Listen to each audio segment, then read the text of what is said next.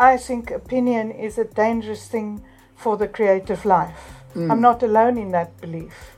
And I think one must uh, transcend one's opinions in order to investigate mm. whatever there is to keep you sitting on your chair with enough interest to continue for 600 pages in my case. Sørafrikanske Marlene van Niekerk og danske Carsten Jensen skriver romaner som går rett inn i vår tids mest brennende spørsmål. Men ingen av de sier at de skriver med en entydig politisk agenda. Hør forfatterne i samtale med Rødt-politiker Mimir Kristiansson fra Kapittelfestivalen i 2019.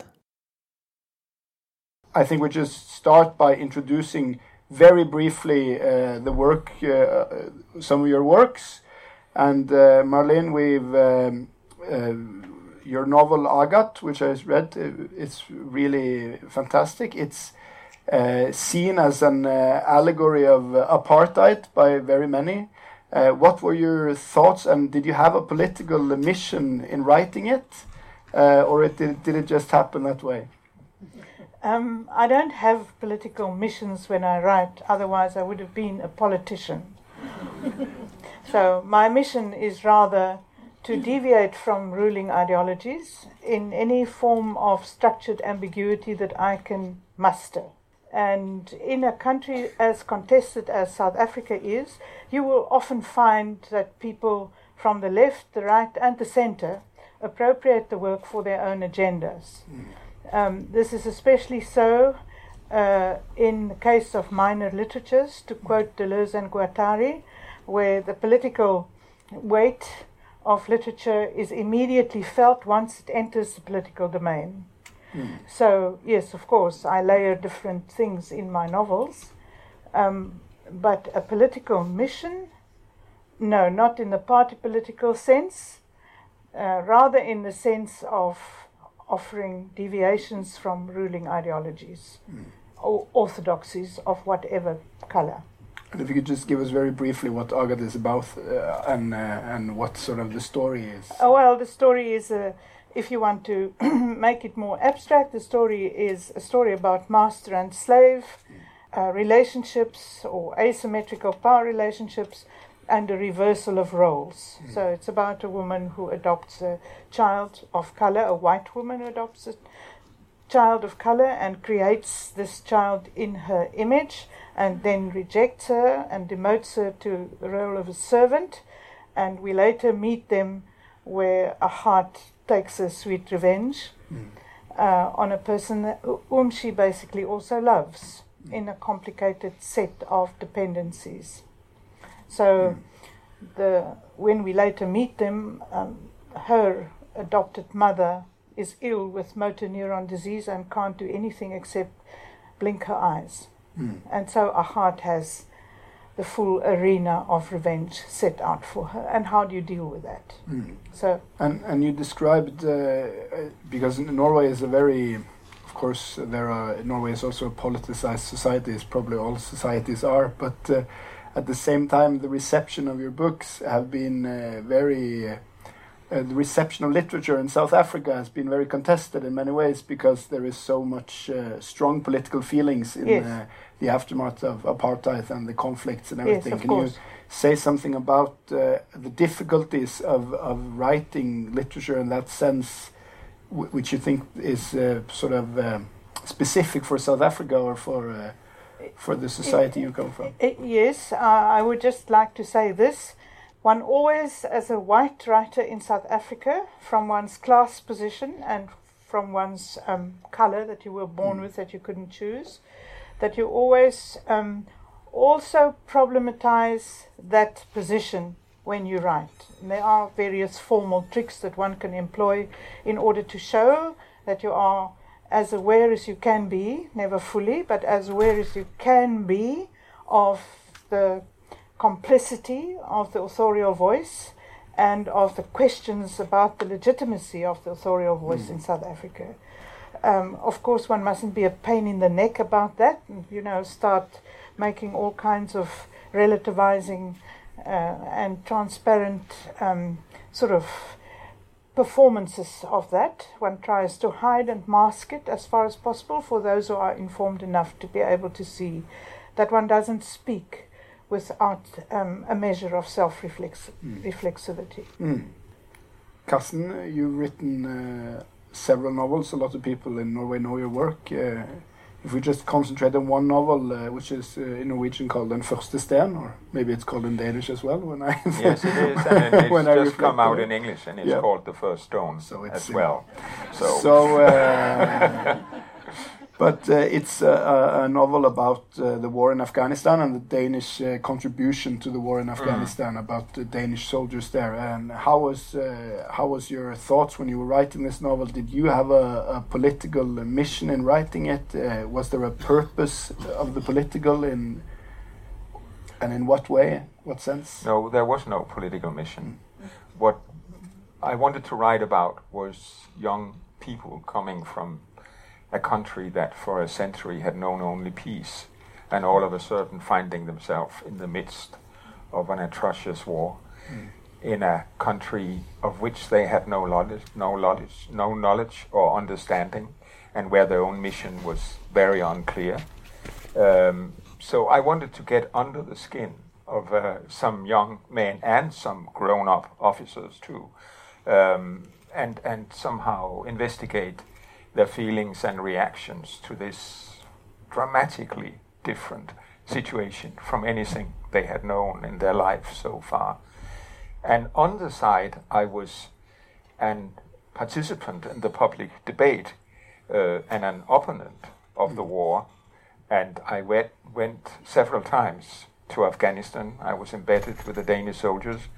And then I went traveling with an amazing Norwegian journalist Anders Hammer, um, and a man who knows no fear. And I felt like an anxious middle aged man who got a trip on the cloak of Superman. uh, but I learned a lot from it, and I was firmly decided that I would not let my ideas and opinions and my opposition to the war influence the novel because and which made me feel in a dilemma. I sometimes felt like a circus artist riding in the arena on two horses with a leg on the back of each horse, praying that they would not start running too far away mm. from each other. Um, but but I do think that, and that was my experience, that it's two very different uh, ways of approaching hmm. reality. Mm political journalism, if you will call it that, and then a novel. Mm. And that was very, very crucial for the novel that I didn't mix them up. Mm. And this, I, I, believe, is also central to to what you're saying, Marlene, and at least what, yes, you said in some I mean, emails. Uh, every writer has political opinions mm.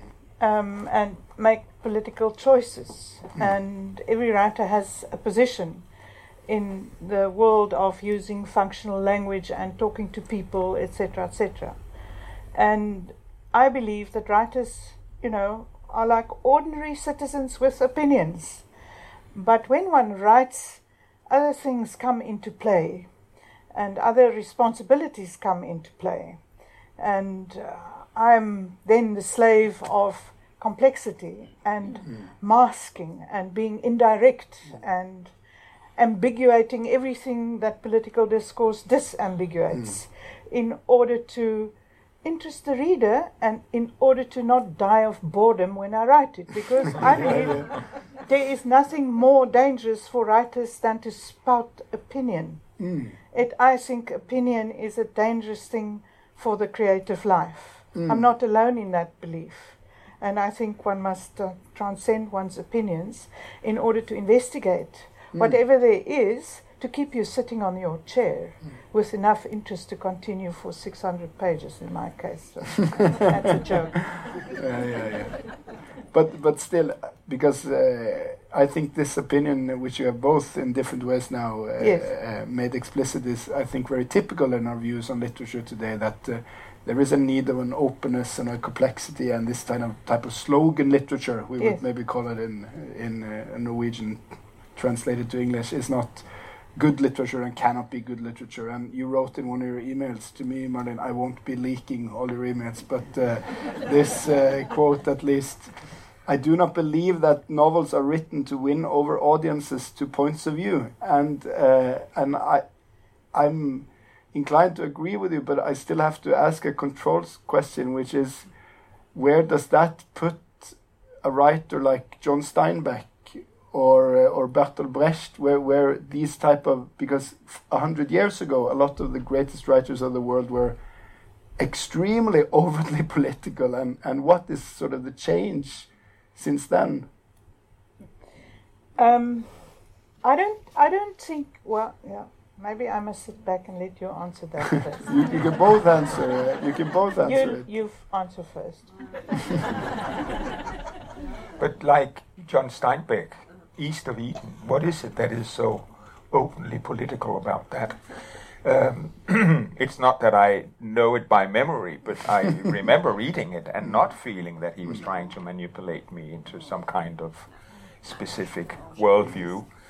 And yes, Bertolt Brecht was a very um, political drama writer, but he also taught his audience to have an, a critical distance to everything going on on the stage. He created this slogan of Verfremdungseffekt, which means critical distance. Mm.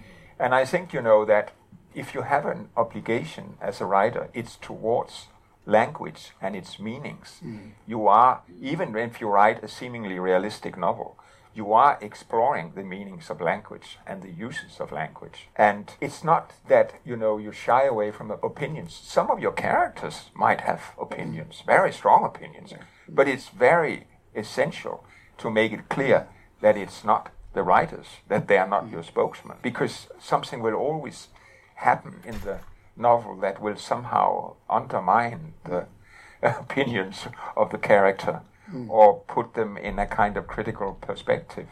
There was an, an Italian writer who stopped writing many years ago, my age, so I followed him in the beginning, and his last name is Tabucchi. And, and he once said, no, his last his name was Daniel Del Giudice, and he once said that writers were the Greenpeace, Greenpeace of language, and I really like that. Uh, I see like an oil platform of opinions being attacked by a little rubber boat uh, of linguistic activists, mm. Mm. and and I can somehow identify with that, but that's very different from you know writing monumental political messages 600 pages long. Yes, I can only nod in uh, in agreement with uh, all of that. Um, if one takes one of Tabucchi's books, um, recalls Pereira, is that correct? Yes, but now I have to confess that I've remembered wrong. It wasn't Tabucchi. Oh. It's he was called Daniel Del Giudice. Oh, oh, okay. But still, but Tabucchi is a great writer too, and, and, his book about Pereira yes, fits the, the it, pattern. It, it yes, fits the pattern mm. because the opinion is um, hidden in a type of mm. character novel. Mm.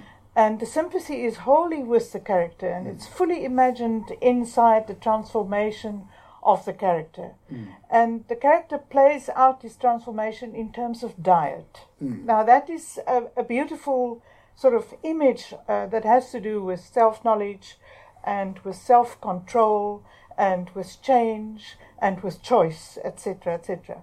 But it never becomes a, a sermon about. Uh, the, the, the, political situation in Portugal or in Spain at the time. Mm in Ho- uh, Holland, we have, in the Netherlands, we have a book written by Multatuli, Max Havelaar, which is a fight against, uh, was a fight against colonial coffee plantations and the exploitation that went on there. Once again, n- not in his case the verfremdungseffekt of Brecht, but framing the novel in stories within stories, in slipping frames of framing up the narration, and also with the heteroglossia of making many characters speak. And through the collusion of many voices, mm. the reader is able to extract uh, the difficult problems. So, mm. this is, uh, I agree with him. I, our, our task is to make a carnival of voices uh, in order to make the reader play because if the reader plays, he is more susceptible to make creative interpretations Mm. of a book than when he is preached at and has to concur and put up his hand and say, Now I go up the barricades. That's my belief. However, I do feel in this problem that we have currently of becoming planetary sort of citizens, in, in the sense that our home, which is the air we breathe and the water we drink, that a moment of a tipping point is being reached. And my question to myself is that, uh, that how are we going to find the voices and find uh, the ways to, to, to be poets and writers in this situation? Because the political specificities of every country is like uh, embedded in this overarching problem of planetary citizens and having to care for what is now basically being destroyed, which is our home. So, yes, the problem won't go away the problem of opinion and political choice, and the problem of writing as a way of making language alive beyond its own health. In uh, a famous essay called Why I Write, George Orwell uh, tries to explore the reasons for writing. And one of them is uh, he, he discusses different, uh, he, he lists money as the first and foremost, but not sort of a, a really counting reason. And then, uh, and then he is uh, he's talking about uh, depicting reality, the reason of telling something as truthfully as it is, uh, political purpose, uh, the aesthetic beauty of, of writing, and of course uh, pure narcissism in some sort of way, succeeding with different things, uh, impressing people, and such on. And what he says that uh, until uh, the 30s and the Spanish Civil War, uh, he would write for many different reasons, but after that he would only write for the reason of political purpose, as he believes it, uh, the defensively. And you are almost uh, uh, almost uh, cornering on the same. Are there some uh, issues that are so uh, life-threatening, so enormous, like the potential crisis of the climate, that sort of is able to to uh, or should be able to to take authors out of their uh, uh, normal way of writing and and put them into a different uh, condition, or or are there must the author stay true to his principles, whatever the the issue is? There is now, in the light of the global warming, there is a new literary genre called cli-fi, in a parallel to sci-fi, climate fiction, and and that is written by an increasing number of, of writers who feel an obligation to confront that huge, potentially uh, deafening uh, threat from from the climate changes and um, they use their imagination to create warning scenarios. It's a kind of dystopian uh, genre, and I do appreciate quite a few of these books. The latest is written by an uh, Indian writer, Amitav Ghosh, Gun Island, who also wrote a now quite famous book, uh, essay on the necessity of writing cli-fi, climate fiction. But I do not think it's an obligation. Um, in, in Denmark, there has now for decades been a very strong uh, tradition of writers not at all mixing in public life, mm, mm. and um, which I do, but I don't do it with my fiction. I do it with my columns and my journalism, mm, and and um, I will not accuse them. It is their choice, and it's a legitimate choice to stick to your writing at home at your writing desk. And I think what is essential about writing a novel is that a novel is for the writer, but also for the reader, an invitation to empathy. It's an invitation to try to be somebody who's not you. You're a woman reading about a man, you're in a man's body, or vice versa. You're a man finding yourself in a woman's body, which is a very, very transgressive experience. Uh, and and you are maybe in another culture, another historical epoch, um, and you are. And I think this is so crucial now, where we see the mounting kind of fear and hatred of the others, those who are not like us, then I think it is a very important mental and, in the end, also political exercise to try to be somebody who's not you and try to understand. Uh, but this is not directly political. It is somehow an indirect effect of love of literature. I would like to hear Carsten's um, encouragement to me uh, when I say that um, in South Africa today, if a white person tries to write either in the voice of a black person or about black characters or about people who live in black culture across class and across color, that is more than frowned on. Yes, That is absolutely taboo. And um, if you say that is actually a moral and political task to um, to do that and to still mm, give free rein to your em- empathetic imagination, um, yeah, I don't know uh, what will happen to one. I- this is a problem that mm. Coetzee also has, J.M. Coetzee has struggled with his entire life as a writer in South Africa. But there is a term for it, cultural appropriation, Yes, which is kind of part of the vocabulary of The political identi- correctness. yes, and in many ways, I do sympathize with political correctness because it's about respect for each other. But I do also think that it has, can have some very negative effects. And I think the idea of cultural appropriation is part of a negative identity politics, where the goal is that we should only stick with those we mm. know. We should not enter other the world of other people nor let them enter ours. And I think cultural appropriation is the death of literature. I think it's absolutely essential as a writer to be in opposition to this uh, idea because I think it's death of imagination, death of literature.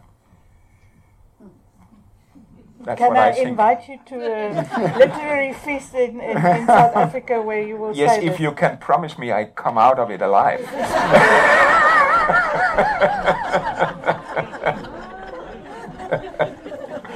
But, But you can you can be my bodyguard. Yes,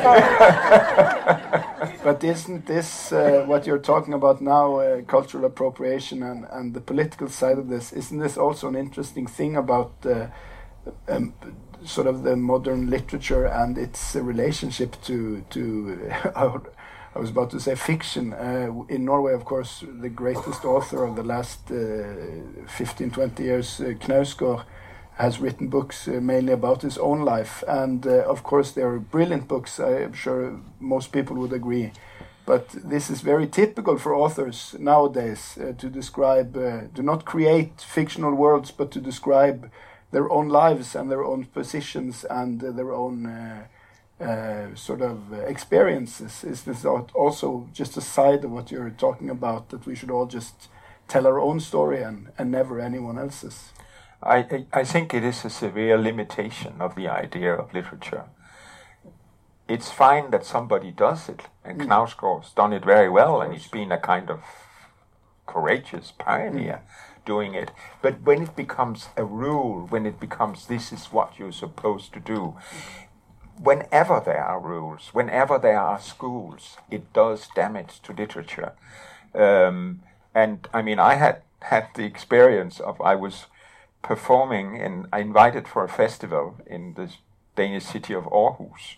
Uh, and I was going to have a conversation with a Norwegian writer I appreciate a lot, Helga Flatland, uh, who's written an amazing trilogy about a little town where three young men are killed in the war in Afghanistan and the effects on the inhabitants and the families.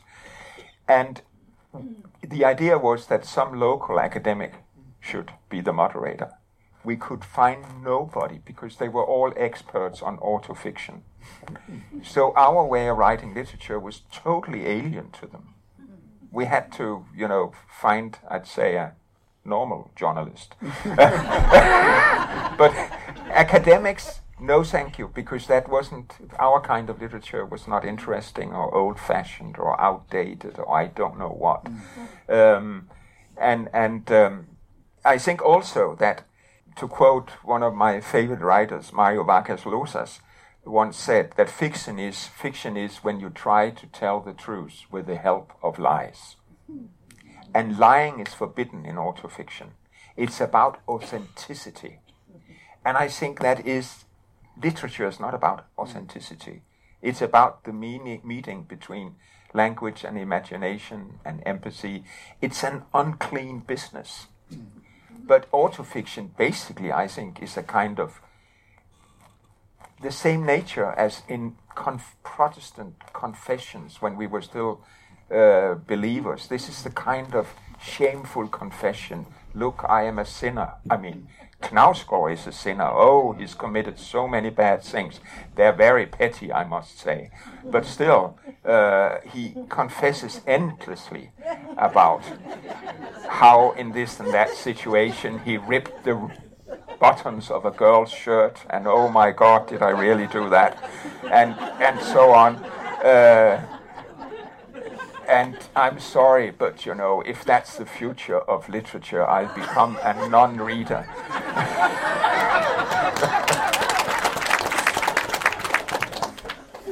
It was Coetzee who said, um, there will always be more to confess once you start about it. Yeah, it's endless. Yes. you If we start find confessing, we can. If we start confessing, we can stay here till midnight. So, Marlene, do you think he would survive on a literary feast in South Africa, or Well, it would be a wonderful experiment, um, and um, but I doubt it. because you said earlier something that I think So you was uh, really, just give me a one-way ticket. Yes, Yes. uh, yeah. Because you said earlier something I, I think was very interesting, which is related to Carsten, an image of, of riding two horses uh, at the same time. yes, yes. Uh, but you also had uh, conjured up an image in my mind of trying to be uh, a runaway, trying to uh, to get away from uh, leftists or rightists or centrists or whoever who are trying to take your novels or your works uh, for their own political uses and and uh, Yeah. make the readings of them uh, the Yeah. central readings and. Uh, Look, I mean, one is tempted in South Africa to only be satisfied if people, both from the right, from the left, and from the center, are angry. yeah. Uh, when one has achieved that, one one knows that you have touched the nerves of everybody. But in order to do that, one needs a very thick skin, right? And that is a difficulty, I think, for a writer at the moment in South Africa. Um, I myself feel, oh, this is getting a bit too much. And then I want to quote Christopher Hope, who said, one needs space to swing a cat. and that a little bit of distance from that country itself, especially in its latest spasm of um, increased racial discourse and so on, um, to stand back a little bit and find another haven maybe from where to look at the clownery, because it is clownery. It is about huge egos trying to, you know, grasp the moment, because power is up for grabs as far as I'm concerned in that country. And I'm not only talking about political power, I'm also talking about economic power. Uh, people in South Africa, or people who talk about South Africa, often forget the, uh, the class analysis as the as the basic mm. analysis, and they want to reduce it to a color analysis. Mm. Now, obviously, there is an intersection in South Africa mm. between color and class because of the historical conditions of apartheid and colonialism.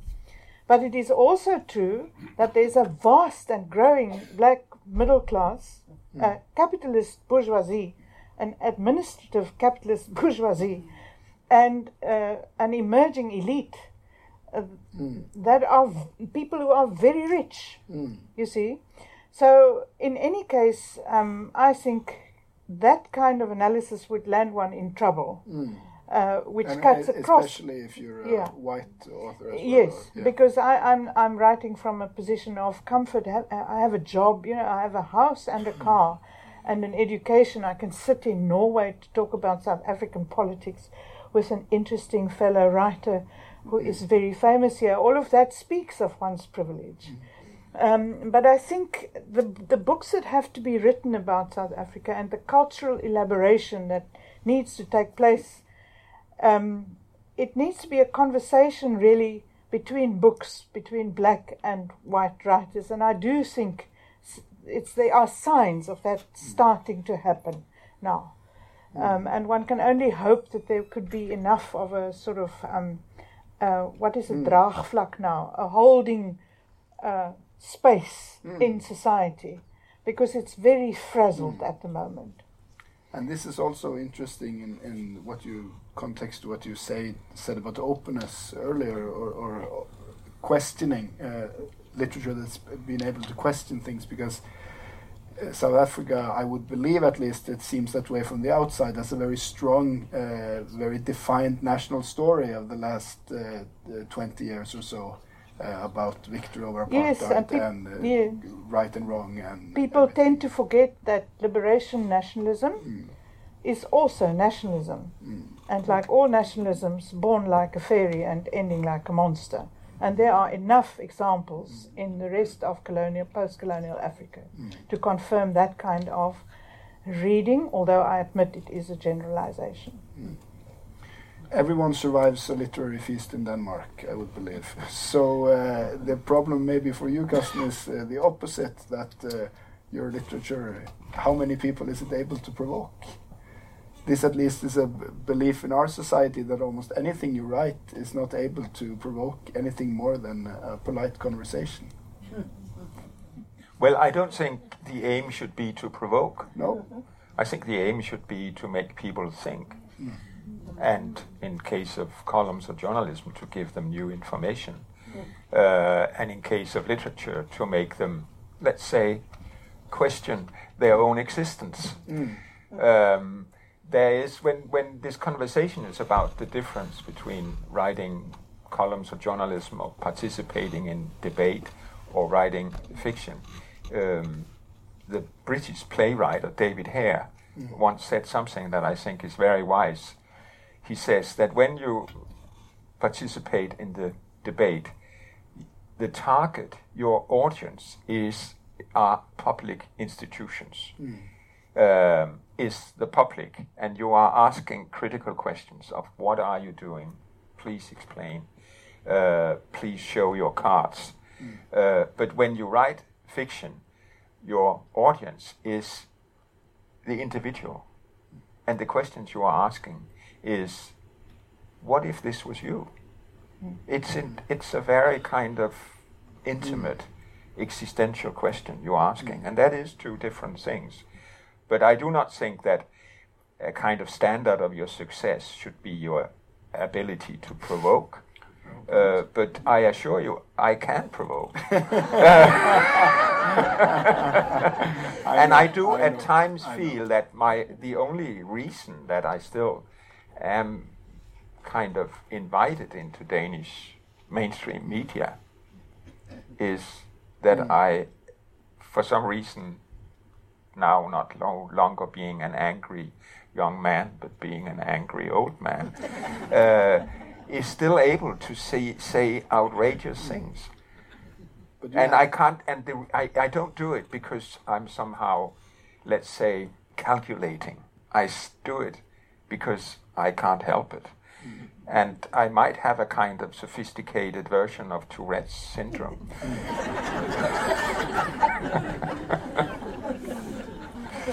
So I, I don't know how I don't know if you understand the reference, but uh, most of you in the audience will. So you're not saying outrageous things in the way Sylvi Listhaug says outrageous things, which is extremely calculated. I assure you, we would never become lovers. No.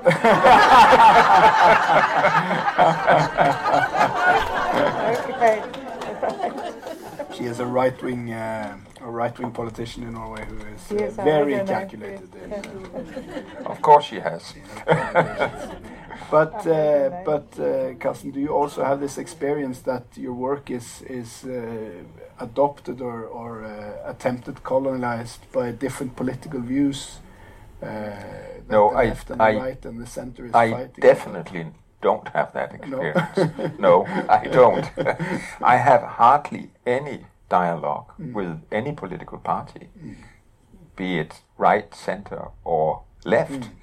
Mm. Um, I've had, uh, on occasions, and this was about the war in Afghanistan, where I was almost the only articulate opponent uh, and where my big advantage was, in contrast to everybody else, I'd seen it mm. and I'd been there. Uh, and there was a few occasions uh, where a politician at a party would sneak up to me and whisper, I agree with you, but don't say it to anybody. and that is as far as I've ever got into a dialogue with a politician. uh, we are we are of course running out of time too soon, but uh, we will have to, uh, in the end, try to say something about the abilities of uh, of literature to uh, to challenge uh, the language of power and uh, the stories that are being told from powerful people about what our country is and our society is and and the world we live in is.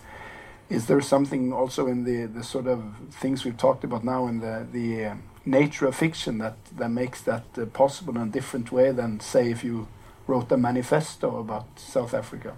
Uh, yes, um, I make a distinction, that I mentioned before, between functional language and literary language. If I tell you, please, can I have the salt, you will pass me the salt. Um, I intend to ask you something and you give it to me. I'm using language as an instrument to effect a certain thing in a mutually understood way. But if I write a literary sentence, um, the scope or the domain of referentiality is different. And uh, as um, Carsten has explained, I'm asking you to take part in an imagined reality and an imagined psychology. I'm asking you to start suspecting stuff about yourself that you never suspected before. In order to do that, I have to wrench language away from its functional and instrumental use, and I have to take it into a realm where its suggestive potential is sort of um, ex- extracted and provoked. Um, Václav Havel had a, not Václav Havel, Kundera, had a, a, a book that he wrote about tearing the grey curtain of everyday language and making the abyss beyond the cliches, mm. making it visible and palpable mm. for the reader. And in order to do that, you have to break open the instrumental nature of language mm. and use it more as a, as a, what is a something you let sink to understand the depths of water. Uh, mm. What do you call that in English? Diptelood. It's the same in Norwegian. Oh, but not in Danish. What's it called in Danish? Ekolod. Ekolod, yeah, we say in Norwegian as well. No, but I feel tempted to somehow sum up. I think you phrase it so beautiful. But I feel tempted to sum it up saying, like, if in one of your books somebody says, please hand me the salt, you will know there's a deeper meaning. that this salt is not just salt. but is it even uh, my question? Uh, sort of about this language is to you both is is this does this give uh, the open fiction the character of of this a more powerful um, does it make it more powerful in a political sense than explicitly political it's texts? Dictators become yeah. extremely uncomfortable if you if you dance around them with mm. ambiguities. Mm. They can't handle that. Yes, because the language of power has to yes, be straight. They call it entartet immediately yeah. if yeah. it's ambiguous. Yeah. If it's straight and if it's realistic and if it's the handing the salt kind of business, you know, mm. with the right kind of meat mm. kind of business, that's fine. Mm. But you know, just ask ask about other things and sort of start with ambiguity and ask questions and start using words in a little bit of an unstable way and they become completely hysterical because mm. their rhetoric is based on I mean what I say, I believe what I mean, mm. and I only say what I mean. Mm. That's a poor hmm. state of being. and there, there is then talking about dictators. There is this tragic irony when the great poet Osip Mandelstam Ah, wrote a critical poem of On Stalin, Stalin, yes. that cost him his life, yes. but it was not one of his good poems. No. Although I've written, um, I've taken that poem and, out of anger, because I also have opinions, put other characters in. it. Yes. Unfortunately, would love to that didn't those, cost you uh, your life. no, no. we would, because people don't read Afrikaans. we would love to hear those poems in Afrikaans, but uh, our time is up, unfortunately. Uh, thank you so much, Marlene uh, van Niekerk. Thank, you. you. so much, uh, Carsten Jensen, and thank you so much for coming. And uh, have a good stay in Kapittel uh, from now on. I hope you were all the wiser for uh, this experience. Thank you.